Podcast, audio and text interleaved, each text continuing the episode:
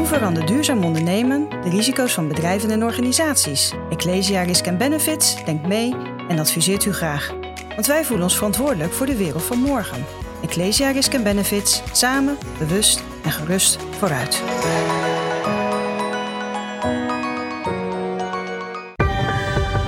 Ecosofie wordt mede mogelijk gemaakt door Renewy. Renewy. Minder nieuw, meer renew. Want afval bestaat niet. Hoe breng je economie, ecologie en filosofie in balans? Daarover gaat Ecosofie, de podcast waarin Marnix Kluiters in gesprek gaat met experts over het verduurzamen van de samenleving. Het ontembare monster Tata Steel moet getemd worden. Dat valt te lezen in de aangifte die Benedict Fiek deed namens 1200 aangevers, waaronder omwonenden en uh, veel stichtingen en ja, eigenlijk betrokkenen die last hebben van het bedrijf. En Benedict, jij wilt dat uh, strafrecht daarvoor inzetten, wat eigenlijk een laatste middel is. Je bent uh, bekend strafrechtadvocaat, veel op tv geweest ook, uh, bekend van de zaak rondom Badr Hari, maar ook de tabaksindustrie al eens aangeklaagd. En in dit gesprek gaan we kijken hoe we het strafrecht kunnen inzetten rondom ja, eigenlijk verbeteringen op het gebied van de volksgezondheid, maar ook milieucriminaliteit. Mm -hmm. Welkom bij Ecosofie. Allereerst ben ik altijd benieuwd naar een grote vraag. Wat zou jij veranderen als je het een jaar voor het zeggen zou hebben in de wereld? Oeh, dan zou ik uh, heel streng worden, omdat ik wel besef dat mensen het niet uit zichzelf doen. Ik heb eigenlijk door de tabakszaak heb ik uh, kennis vergaard over de werking van het brein. En um, wij mensen uh, doen eigenlijk pas iets als we echt concreet bang worden voor een gevaar dat zich vrij direct realiseert. Waarom vond ik die vraag uh, of die, dit gegeven van belang in die tabakzaak? Dat was omdat um, zoveel mensen gaan roken en zoveel mensen weten dat roken uh, op termijn dodelijk is, maar desondanks zoveel mensen dat risico gewoon aanvaarden als een aanvaardbaar risico. Niet omdat ze daar heel zorgvuldig over hebben nagedacht, maar ik denk omdat het reptielenbrein uh, zich geen voorstelling kan maken over uh, wat je niet moet doen en wel moet doen, als het gevaar niet direct en concreet zichtbaar is. Ik ben er namelijk van overtuigd dat mensen niet zouden roken als zij zouden weken, weten dat zij over drie weken bijvoorbeeld zouden sterven aan uh, de consumptie van uh, dat product. En uh, dat betekent dat um, de, het antwoord op jouw vraag, wat zou je doen? Je moet het dus niet overlaten zelf aan mensen. Mensen doen uit zichzelf niks. Mensen zijn geneigd om uh, te kiezen voor wat ze gewend zijn, uh, willen genieten, willen ja, plannetjes maken waar ze gelukkig van worden, et cetera. dus op het gebied van het milieu, ik zou dus minister van Milieu willen zijn, en als minister van Milieu zou ik bepalen dat bijvoorbeeld iedereen die gewoon gezond is, dat je dus een vergunning moet krijgen om met een vervuilende auto te kunnen uh, rijden, iedere dag naar je werk. Zodra uh, vaststaat dat je uh, gezond bent en in staat bent om zonder gemotoriseerd verkeer naar je werk te gaan, hup, met de trein, gratis, gratis trein. Uh, dus ik zou in ieder geval een aantal zeer uh, stringente maatregelen nemen op het gebied van milieu. Ik zou grote vervuilende bedrijven, zou ik het, alle vergunningen uh, onder, onder de loep gaan leggen, kijken wat nog verantwoord is. Ik zou op alle mogelijke fronten um, milieuwinst zien te bewerkstelligen. Ja, en je noemt al even de ja. trein, daar heb je staal voor nodig, want het rijdt natuurlijk over koperen sporen. Zeker. Uh, ja. Dus daar gaan we zo wat meer over hebben, ja, over het bedrijf zeker. wat voor die staal zorgt. Ja. Waar jij ook een beetje mee in de clinch ligt. Ja. Um, tegelijkertijd vind ik het nog wel heel even interessant, want het reptiele brein noem je al. Ik heb dat wel vaker gehoord, een reptiele brein, een zoogdierenbrein en de neocortex, waarmee we ons als mens volgens mij onderscheiden. Mm -hmm. En dat reptiele brein, dat, dat zoekt geloof ik, dat is gewoon overleven en uh, fight, fly door uh, freeze, geloof mm -hmm. ik, hè, dat die reactie mm -hmm. daarin zit. Ja. Dat ja. is precies ook wat je zegt met, ja, de mens komt pas in actie als ja, het gevaar daadwerkelijk voor hem staat. Mm -hmm. Klopt. Dan dat strafrecht. Jij bent gefascineerd door het strafrecht, rechten gestudeerd, uiteindelijk in het strafrecht terechtgekomen. Hele mooie zaken gedaan, daar ook een bepaalde mening over. Wat boeit jou zo en waarom ben je zo gedreven om je met dat strafrecht bezig te houden? Um, nou ja, alles wat erbij komt kijken fascineert mij. Dus um, de macht van de overheid uh, om iemand van zijn vrijheid te beroven, als vaststaat dat je een strafbaar feit hebt gepleegd en daar een straf voor wordt opgelegd. Nou ja, dat is natuurlijk.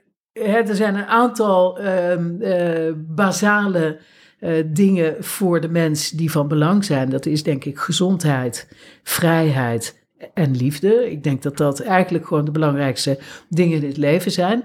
En als iemand jou berooft van jouw vrijheid, omdat je verdachte bent, dan wil ik als waakhond voor zo iemand kunnen optreden. Dus de strafrechtspleging moet um, uh, goed ingericht zijn, moet eerlijk zijn, moet goed georganiseerd zijn en moet het risico zo klein mogelijk maken dat iemand onterecht uh, van zijn vrijheid wordt beroofd, onterecht uh, veroordeeld wordt omdat het systeem, uh, ja, omdat, het, omdat daar lekkage in zit. Dus dat is mijn drijfveer. ik denk mijn vrijheidsdrang. Ik ben zelf um, enorm gesteld op mijn vrijheid. Vrijheid van denken, vrijheid van bewegen, vrijheid van zijn. En um, ik vermoed dat die drang naar vrijheid um, de drijfveer is om mensen bij te staan in het strafrecht. Ja, en is dat dan ook specifiek waarom het strafrecht? Want ik hoorde jou in een ander interview vertellen, ja, um, wat wij nu met Tata Steel doen, want we gaan het dus zo hebben over die aangifte die jullie tegen Tata Steel deden. En Jij wil eigenlijk de directeur van Tata Steel um, Nederland van zijn vrijheid beroven. Ja, van zijn vrijheid beroven, inderdaad. Om te vervuilen en uh, eventueel een rechter daarover te laten oordelen. Ja, dus je zit nu ja. aan de andere kant van dat spel. Maar je mm. kiest specifiek voor dat strafrecht. Dat, dat heeft ook te maken met die vrijheidsberoving. Mm. Daarin zei je ook, ja, er zijn ook civiele procedures. Je hebt ook het bestuursrecht. Welke rol heeft het strafrecht dan precies um, in dat recht? Want het is ook een beetje een laatste redmiddel, las ik in die aangifte. Ja, het is ook een beetje een laatste redmiddel, dat klopt.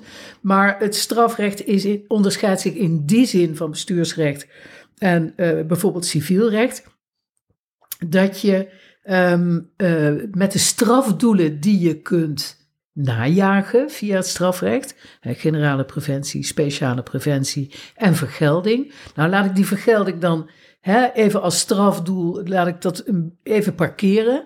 Maar ik zie vooral grote voordelen erin uh, om um, ja, bazen van hele vervuilende bedrijven, uh, om die te laten investeren in de verduurzaming van hun bedrijf, omdat ze weten dat ze anders persoonlijk gaan bloeden. En dat is volgens mij, dat is nou juist waar we het net ook over hadden.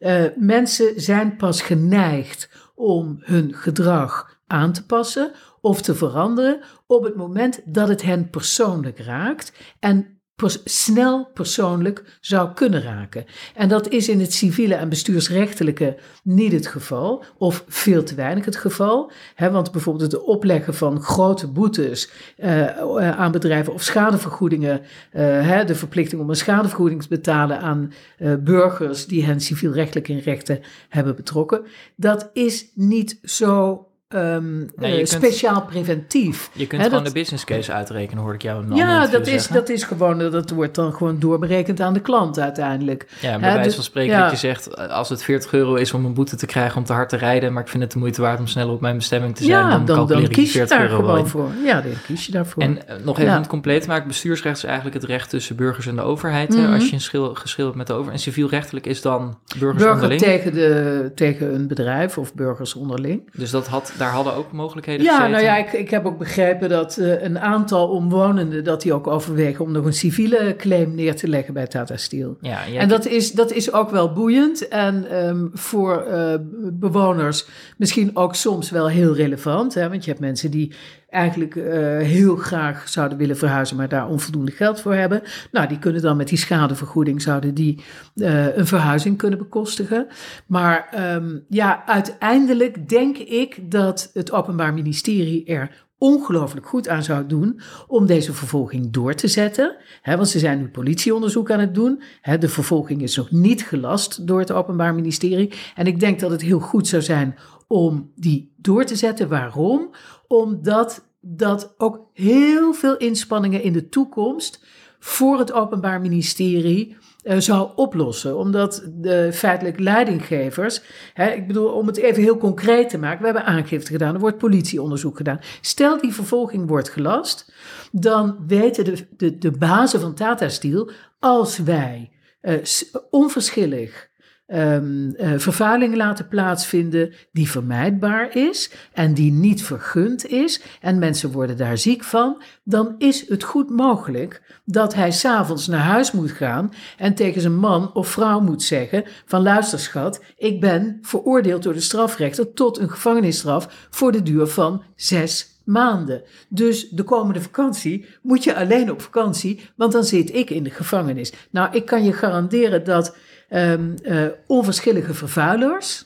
Uh, ik vind dat toch ook wel mini-psychopaatjes in maatpak, hè, die onverschilligheid. Want je maakt mensen gewoon bewust uh, ziek en denkt dat je daar recht op hebt, omdat je vergunningen hebt. Of omdat je het even uh, een beetje sneaky regelt door alle vergunningsregeltjes heen.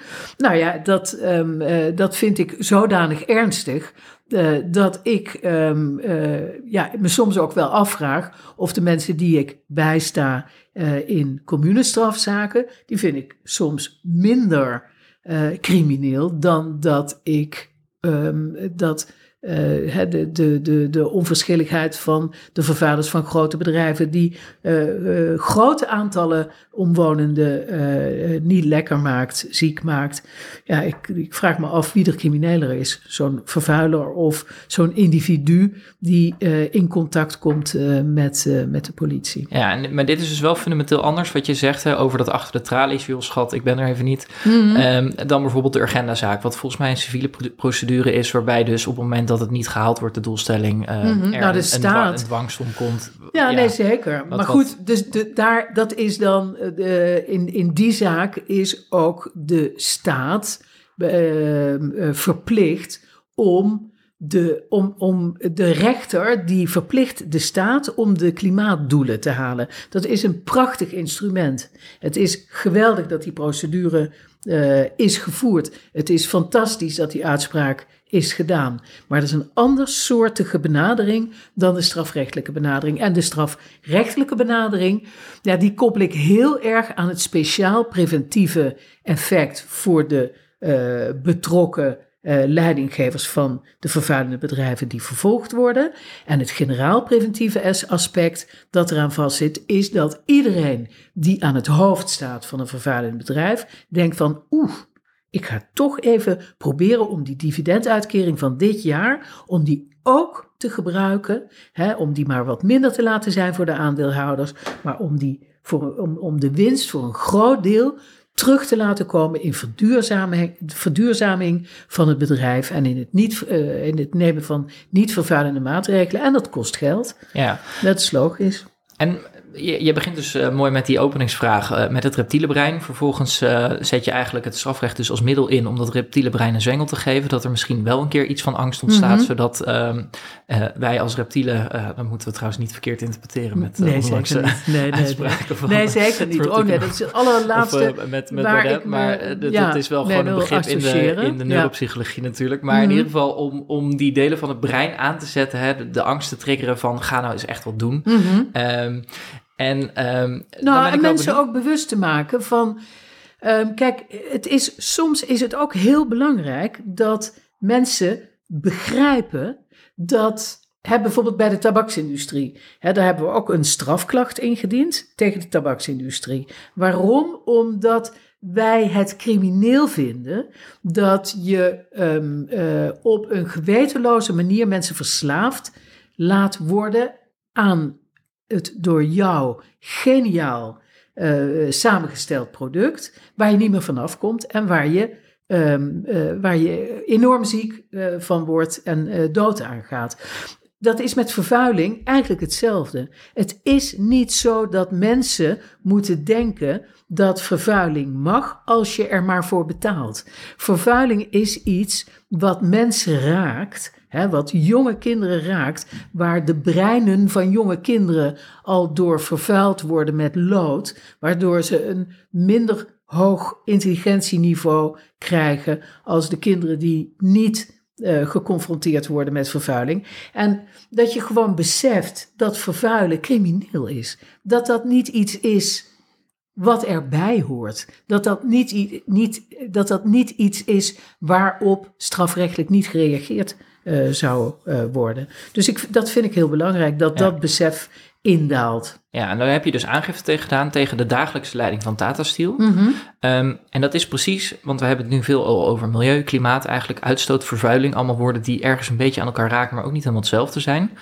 En dit gaat tegen de volksgezondheid in, toch? Dus vervuiling die ons raakt. Vervuiling, vervuiling die ziekte of dood veroorzaakt. Ja. Dus het, de, in, in, ik heb, we hebben aangifte gedaan van artikel 173a van het wetboek van strafrecht. En daarin staat dat hij die opzettelijk en wederrechtelijk, wederrechtelijk betekent buiten de vergunning om, en wederrechtelijk eh, vervuilt, waarbij gevaar voor de volksgezondheid kan ontstaan. Hè, dat is best ruim. Je hoeft het niet eens te concretiseren op bepaalde personen of groepen. We hebben het tal van RIVM-rapporten waaruit blijkt dat het gebied van de Eimond veel te vies is in vergelijking met de andere gebieden in Nederland, zelfs industriële, andere industriële gebieden. Dus daar hebben we aangifte van gedaan. En op overtreding van dat eh, artikel staat een gevangenisstraf van 12 jaar of 15 jaar.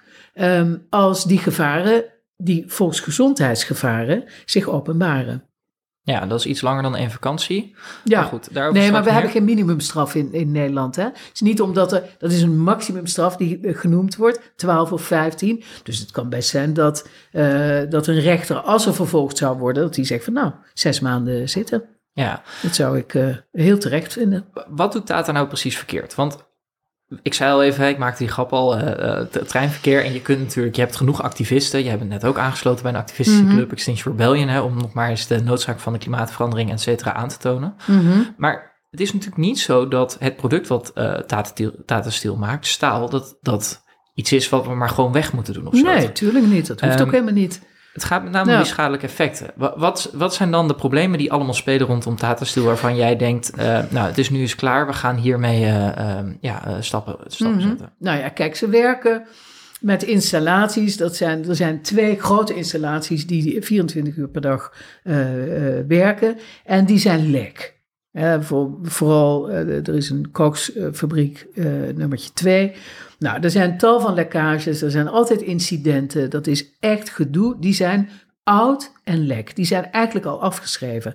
Als jij als baas van een metaalbedrijf, waarvan je zelf zegt, het is een ontembaar monster. Hè, want het productieproces eh, waarbij staal wordt gemaakt, dat is een oncontroleerbaar heftig eh, eh, proces. Ja, want je hebt want de- de- Super hoge temperaturen Superhoge nodig om, om, om temperaturen. die ijzererts, om dat staal uit Precies. die ijzererts los te maken. Precies. Dus als je dan werkt met installaties die ehm, calamiteiten veroorzaken, omdat de, eh, de hoeveelheden staal die gemaakt worden altijd problemen opleveren, maar die oude staalfabriek gewoon niet meer opgelapt kan worden, ja, dan is dat een voorzienbaar gevolg van de manier waarop je staal produceert. Dus dat is één belangrijk verwijt. En het andere belangrijke verwijt is dat alle gegevens die Tata aanlevert, hè, dus de, de, de provincie is de, de toezichthoudende instantie, decentrale overheid, die houdt toezicht en die kan ook handhaven. Hoe, als Hè, wat, hoe worden die, ehm, eh, die gegevens gecontroleerd? Ze vragen gewoon aan Tata: lever ons de gegevens aan.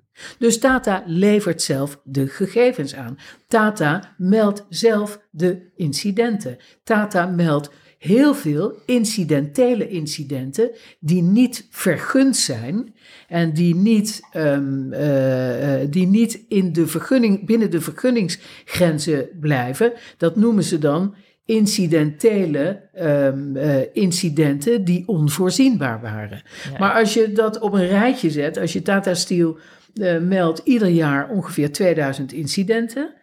Ja, dat noem ik niet, eh, dat noem ik geen incidenten meer. Dat is gewoon structurele, dat zijn structurele emissies waar de, ehm, eh, waar de omgeving enorme last van heeft. Ja, en je, je zegt eigenlijk, het is een beetje alsof middelbare scholieren zelf mogen aangeven hoe goed ze in, we zeggen, Engels zijn. En Ja, dan op basis daarvan hun eindexamens ja. kunnen halen. Nou, meneer de meester, ik heb het, ik, meester, ik heb het zo goed. gedaan.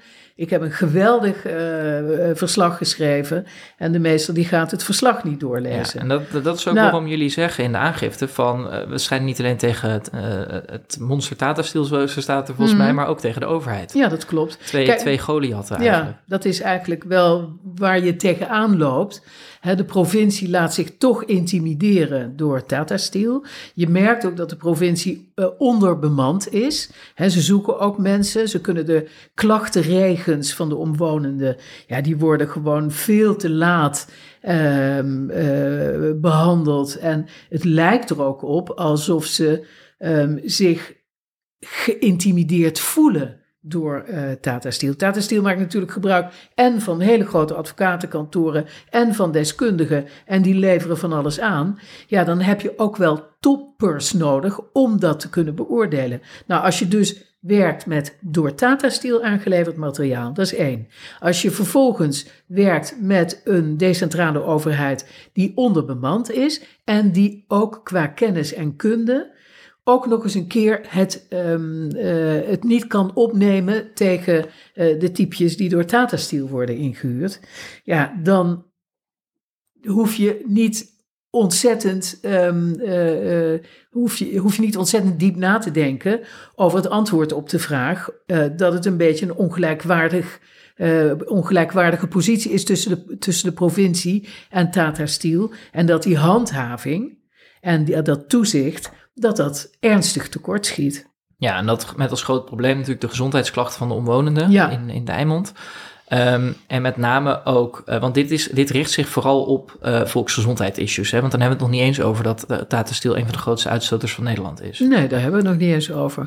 Dit is echt gekoppeld aan de volksgezondheid van de mensen in de Eimond. Ja. Ja. En nou zijn er natuurlijk allerlei uh, tegenargumenten. Hè? Want ik geloof dat uh, Tata Steel zichzelf heel lang beroepen heeft op het feit dat zij um, ja, niet wisten of dit wel door hun kwam. Terwijl Mhm. ja, het is natuurlijk wel heel raar dat het in andere gebieden in Nederland veel minder is. Terwijl Mhm.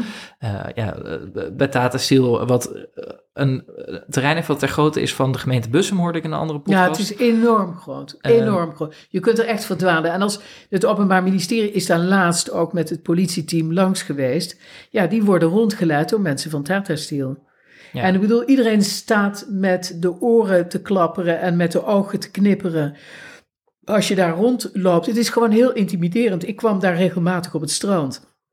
Sinds ik weet wat daar allemaal rondwaait en uh, in het zand zit, kom ik daar veel en veel minder. Maar je, wordt, je voelt je gewoon geïntimideerd door de grootte van het bedrijf. En het is natuurlijk, laten we wel zijn, net zoals je kunt zeggen dat het product sigaret nu nooit meer op de markt zou uh, kunnen worden gebracht, als dat nu zou moeten worden beoordeeld. Hè, door de lobby natuurlijk uh, um, in, in onze breinen geplukt is als een genotsmomentje. Um, uh, als je een sigaret opsteekt, zou Tata Steel nu ook nooit meer een vergunning krijgen om in zo'n dichtbevolkt gebied zo'n vies en gevaarlijk bedrijf neer te zetten. Ja, en dat is interessant, want jij noemt die vergunning. Dat betekent, hè, een vergunning, jij noemde dat net in die openingsvraag ook Mhm. al, ik zou veel meer vergunningen gaan verstrekken.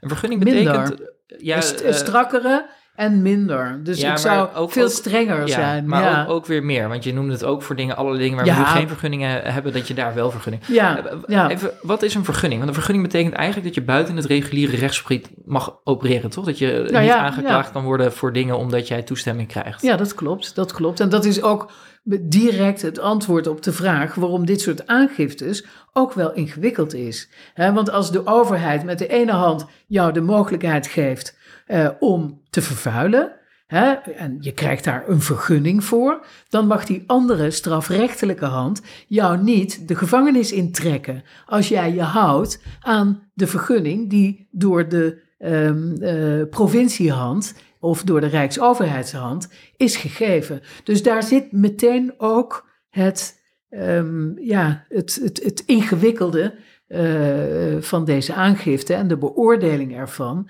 door het Openbaar Ministerie. Die zullen dus op zoek gaan naar, het, naar activiteiten verricht door Tata die niet vergund zijn. Ze zullen ook op zoek zijn naar ehm, ja, het de, de, de vergunning die opgeblazen is, hè, die te ruim wordt geïnterpreteerd door hen, die niet zo bedoeld kan zijn. Ze zullen ook kijken of bijvoorbeeld de niet vergunde emissies, hè, de incidenten, of dat niet iets is waar zij, uh, uh, uh, ja, wat zij op de koop toe hebben genomen, om, doordat zij niet hebben geïnvesteerd in installaties, waardoor die incidenten niet hadden hoeven plaatsvinden vinden.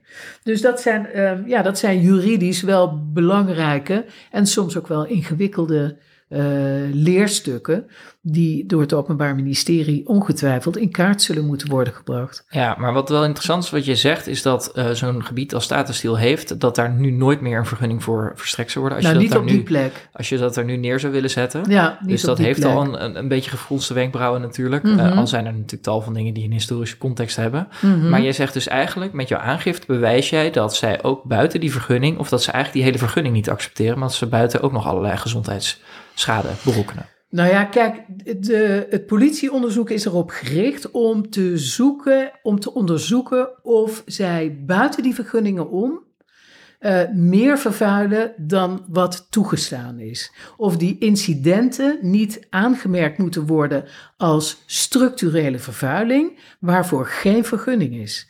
En als je dan die 2000 incidenten per jaar aanmerkt als opzettelijk Um, uh, gepleegde structurele vervuiling. En je ook kunt vaststellen dat die vervuiling um, uh, op volksgezondheidsniveau uh, grote schade aanricht.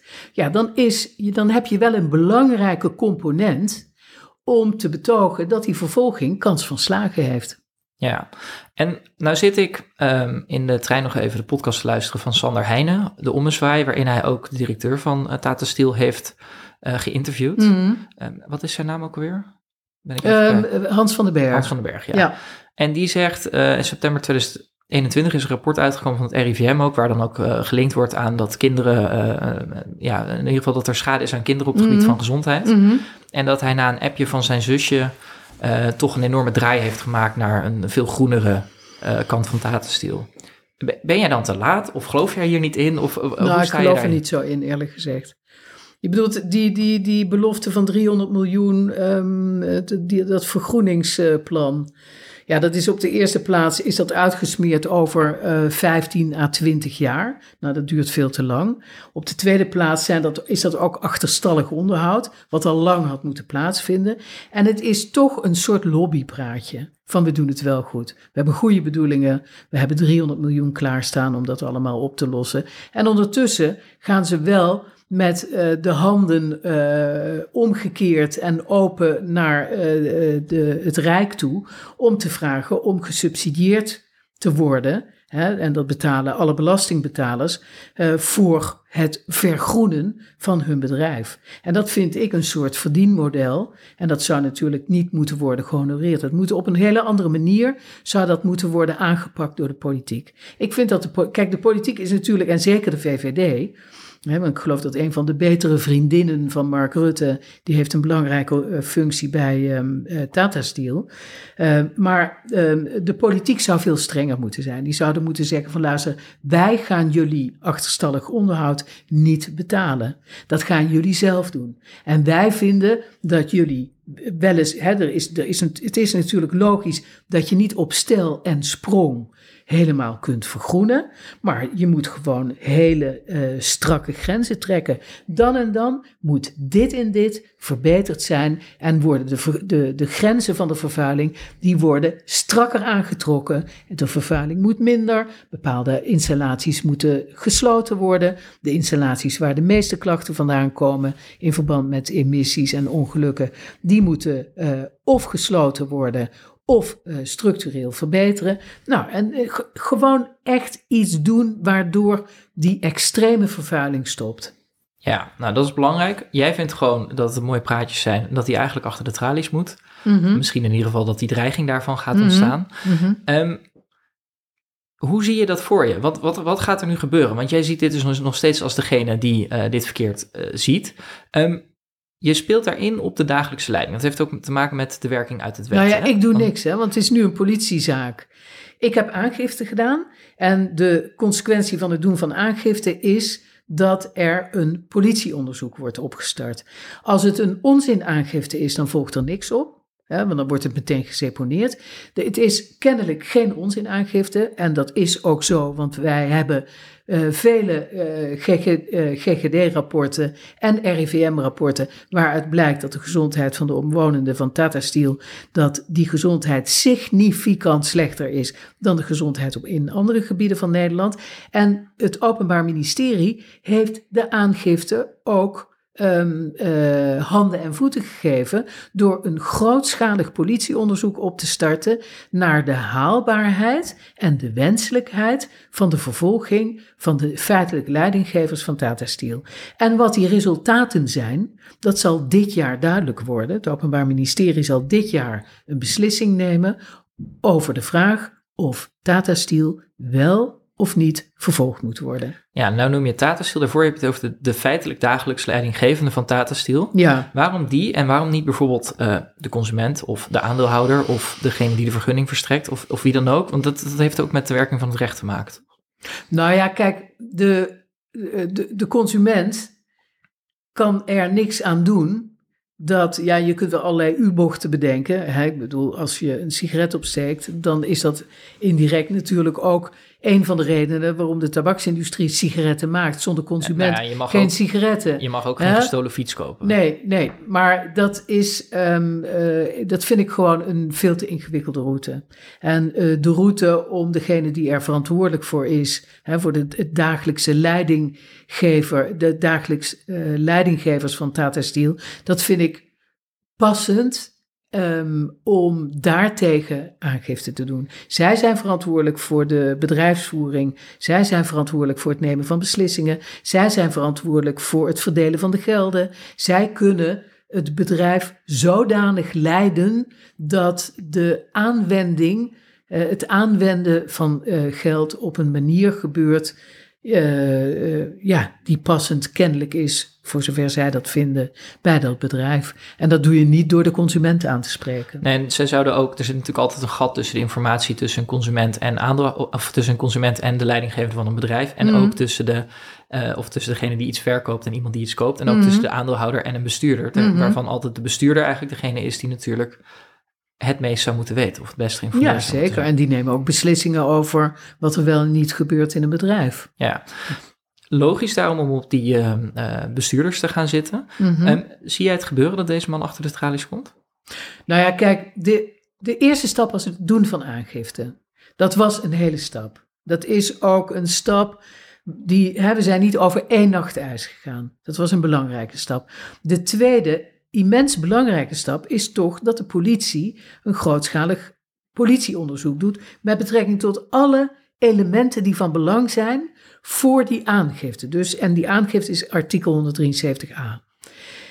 De belangrijkste stap die hè, de beslissing eh, dit jaar is, gaat het OM ook daadwerkelijk vervolgen? Heeft het politieonderzoek bewijs opgeleverd, bouwstenen opgeleverd, om dat strafbare feit bewezen te kunnen verklaren, om dat pakketje te presenteren aan de rechter, aan de strafrechter, en daaraan te koppelen dat de feitelijk leidinggevers op een bepaalde manier moeten worden bestraft voor wat het OM uiteindelijk heeft bevonden in dat onderzoek. Dus dat, ehm, ja, of dat gaat gebeuren, dat kan alleen gebeuren als het een haalbare ver- ver- vervolging wordt in de ogen van het OM. Met andere woorden, als ze bewijs hebben voor het opzettelijk en wederrechtelijk vervuilen, waardoor de openbare gezondheid in gevaar komt. Als die onderdelen van in dat zinnetje, als daar bewijs voor is, nou ja, en dat is heel juridisch, vooral dat opzettelijk en wederrechtelijk, heel juridisch, maar als ze daar bouwstenen voor hebben, bewijs voor hebben, dan mag Hans van den Berg zich achter eh, zijn ehm, ja, oortjes krabben, want dan Ja. wordt het wel spannend.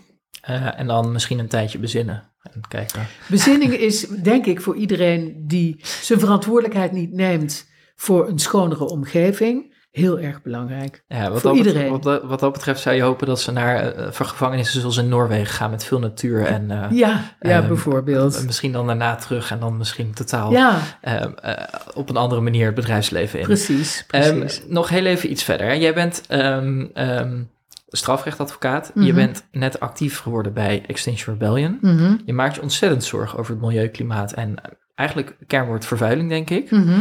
Ehm 173a gaat dus over... Ja, maar ook, dat veroorzaakt vervuiling Ja. natuurlijk. Zeker. Mhm. Ehm, maar 173a, ik heb het uitvoerig eh, gelezen. Ik vond ook dat woord te duchten wat er nog in staat interessant, dat het ook over de toekomst mag gaan. Dus Mhm. eh, eh, er zit, het is op zich best wel een compleet artikel, behalve dat het gaat over de volksgezondheid. Mhm. En dan kun je natuurlijk op een gegeven moment alles aan volksgezondheid koppelen. Hè? Want op het moment dat wij ehm, klimaatverandering toestaan, dan gaan er ook mensen dood. Dus wat Mhm. Jelle de Graaf natuurlijk, eh, die ook eh, vanuit het activisme op de tafel klom, eh, zei er gaan mensen dood. Mhm. Maar dat is wel heel omslachtig. Mhm. We kennen tegenwoordig steeds meer het begrip ecocide, waarbij de vernietiging van, ja, eigenlijk een, een, verandering van het woord genocide, waarbij Mhm. de vernietiging van ecosystemen wordt ja, benoemd. Mhm. Moeten we niet gewoon een artikel maken wat voldoet aan het strafbaar stellen van ecocide? Ja, da- dat, dat is ook wel onderwerp van gesprek, hè? ook bij bepaalde partijen. Ik denk het wel. Ik denk dat dat ook bijdraagt aan het besef van de waarde van de ecosystemen die we moeten zien te behouden voor de toekomst. Jij bent eh, jong, hè, je bent nog onder de 30. Nou, misschien dat je nog kinderen wil. Ehm, bedoel, wat, waar zijn wij mee bezig? Ik voel mezelf ook verantwoordelijk voor. Ehm, hè, ik heb kinderen van eh, jouw leeftijd en eh, ongeveer, denk ik. Ik ben 28, dus Ja, nou, ik heb er ook eentje van 28 en een van 26. En ik vind het, ik schaam me diep eigenlijk voor het gebrek aan ehm, overbrengen van, de, van urgentie, dat we gewoon niet zo makkelijk en veel eh, zouden moeten consumeren. En dat de last die we de aarde berokkenen, iedere dag, door te consumeren wat we consumeren, ja, dat dat gewoon niet haalbaar is. En dat we heel op een extreem snelle manier op weg zijn naar de vernietiging van de leefbaarheid van de aarde voor ons mens. En dat vind ik gewoon heel eh, treurig voor toekomstige generaties. Ik vind het heel treurig dat er oorlogen zullen gaan komen, dat er paniek, ziekte en verderf eh, staat te wachten door de manier waarop wij leven. En de, de mensen die, ehm, eh, die, die op klimaat. ehm, bijeenkomsten bij elkaar zijn en ja, gewoon toch te weinig de urgentie ervan inzien. Ja, daar maak ik me heel erg zorgen, omdat de beleidsmakers eh, ja, veel te slap zijn, Ja. wat mij betreft. En hoe, eh, heb je de tekst nog één keer van dat artikel 173a? Het opzettelijk en wederrechtelijk in de lucht, water en grond brengen van stoffen, waardoor de eh, gezondheid, de, de volksgezondheid, waardoor er gevaar voor de gezondheid te duchten is. En als we dat nou zouden veranderen, dat de volksgezondheid dus zouden willen veranderen in... ehm, De leefbaarheid van de planeet? ja, dat of ehm, eh, het ehm, eh, functioneren van ecosystemen. Mhm. Is, wat, wat, wie, wie, wie moet er zitten luisteren die daar zijn hand... Weet, je kunt heel passief luisteren. Ik hoop ook dat er mensen luisteren die wat Mhm. gaan doen. Wie, wie moet er dan nu zijn hand op steken? Is Nou ja, dat bij ik de denk dat politiek? iedereen- of is, is, ik denk zijn heel- ministeries? Zijn wij het met de Nou, stemmen? volgens mij zijn we totaal niet hysterisch en zijn we al een beetje te ja, laat. de, de ministeries. Ja, oh, oh, oké, oké. Ligt, ligt heel ja, dicht bij ja, elkaar ja, ja, ja, dat ligt zeer dicht bij elkaar. Maar ik denk dus dat er eh, van, eh, eh, van onderop en van bovenaf eh, ingegrepen moet worden. Ik denk dat als je de, ehm, de kracht van de getallen, dat is van onderop, als we met z'n allen, en, zeker de jonge mensen, eh, als we met z'n allen ieder voor. Ik bedoel, je hoeft, je hoeft niet alles op te geven. Hè, je kunt eh, eh, best nog wel met de auto af en toe iets, iets doen. Maar als we met z'n allen, ieder op ons eigen niveau, toch heel bewust met dat milieu omgaan. En eh, bijvoorbeeld niet meer 20 minuten per dag douchen, maar twee minuten. Eh, of drie keer per week onder de douche, of vier keer per week onder de douche. En je zou, je laat dat over aan een individu. Iedereen zet een stapje. En heel veel stapjes bij elkaar veroorzaakt natuurlijk heel grote gevolgen met betrekking tot uh, de mate en het gemak waarmee we vervuilen. Dus van onderop, en dan zou eigenlijk iets herkenbaars moeten zijn dat mensen op straat lopen en een klein stukje stof zien en denken van hé, hey, jij bent op jouw mini uh, individueel niveau ben jij bezig met het milieu. Wat leuk, ik ook. En je loopt daar. Dus op dat niveau. Maar de beleidsmakers, die zullen gewoon de hele grote vervuilers, die alleen maar stoppen als de overheid daar ook echt heel krachtig op ingrijpt. Die beleidsmakers, die zullen ook maatregelen moeten treffen. En de, een van de eerste vragen, wat, vragen was, wat zou je doen als jij de baas zou zijn? Nou, als ik de baas zou zijn, dan zou ik gewoon toch veel strakker zijn in het opleggen van um, geboden en verboden, omdat ja, de mens anders niet corrigeerbaar is. Ja, en daar is het strafrecht een interessant middel van voor. Uh, uiteindelijk ligt dat natuurlijk wel bij de politiek om die wetten te veranderen, denk ik. Mm -hmm. Hoe dat doorcijpelt. Uh, maar daar, daar mogen ze misschien best wel eens wat meer aan het strafrecht ook ja, denken, denk ik. Hè? Nou ja, dat hoeft niet per se via het strafrecht. Ik bedoel, het strafrecht is zeker niet zaligmakend, absoluut niet.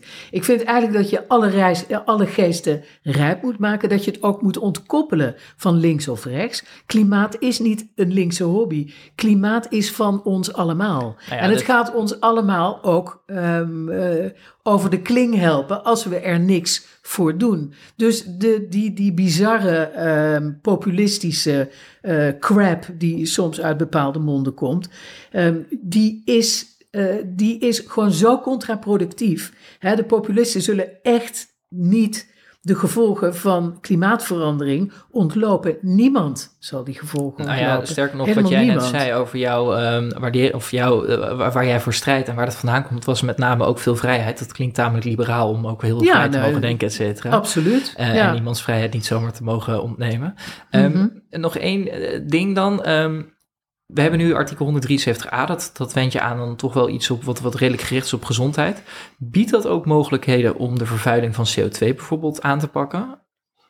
Uh, nee, dat is denk ik. Um, uh, dat, nee, ik, ik kan daar niet direct een pan-klaar uh, antwoord op geven, maar ik denk het niet. Ja. Ik, ik denk het niet. Kijk, het is op de eerste plaats zo dat de verantwoordelijkheid voor um, um, ja, het het niet reguleren en het terugdringen van uh, CO2-vervuiling, ja, dat moet toch op, op het gebied van, um, ja, van, van de staat moet dat worden aangepakt.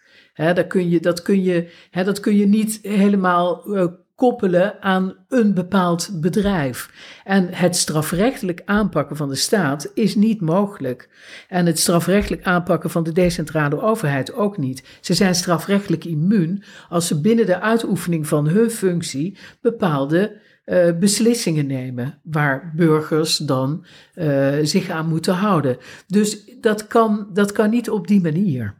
Nee, dus wat we dat, nu zien is dat het toch wel heel erg gerelateerd moet zijn aan de volksgezondheid.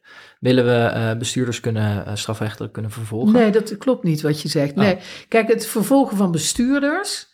Um, Oh, je bedoelt bestuurders van bedrijven? Ja, ja, ja nee, dat klopt wel. Ja, dat is ja, natuurlijk... ja, je moet gewoon kijken, wat doet dat bedrijf? Hoe vervuilend is dat bedrijf? Houden ze zich aan de vergunningen? Um, uh, zoeken ze geitenpaadjes, is geloof ik ook weer zo'n nieuwe uh, term, geloof ik. Zoeken ze geitenpaadjes om hun vervuiling op een andere manier Um, uh, toch te kunnen laten plaatsvinden zonder gepakt te kunnen worden uh, op het overtreden van vergunningen.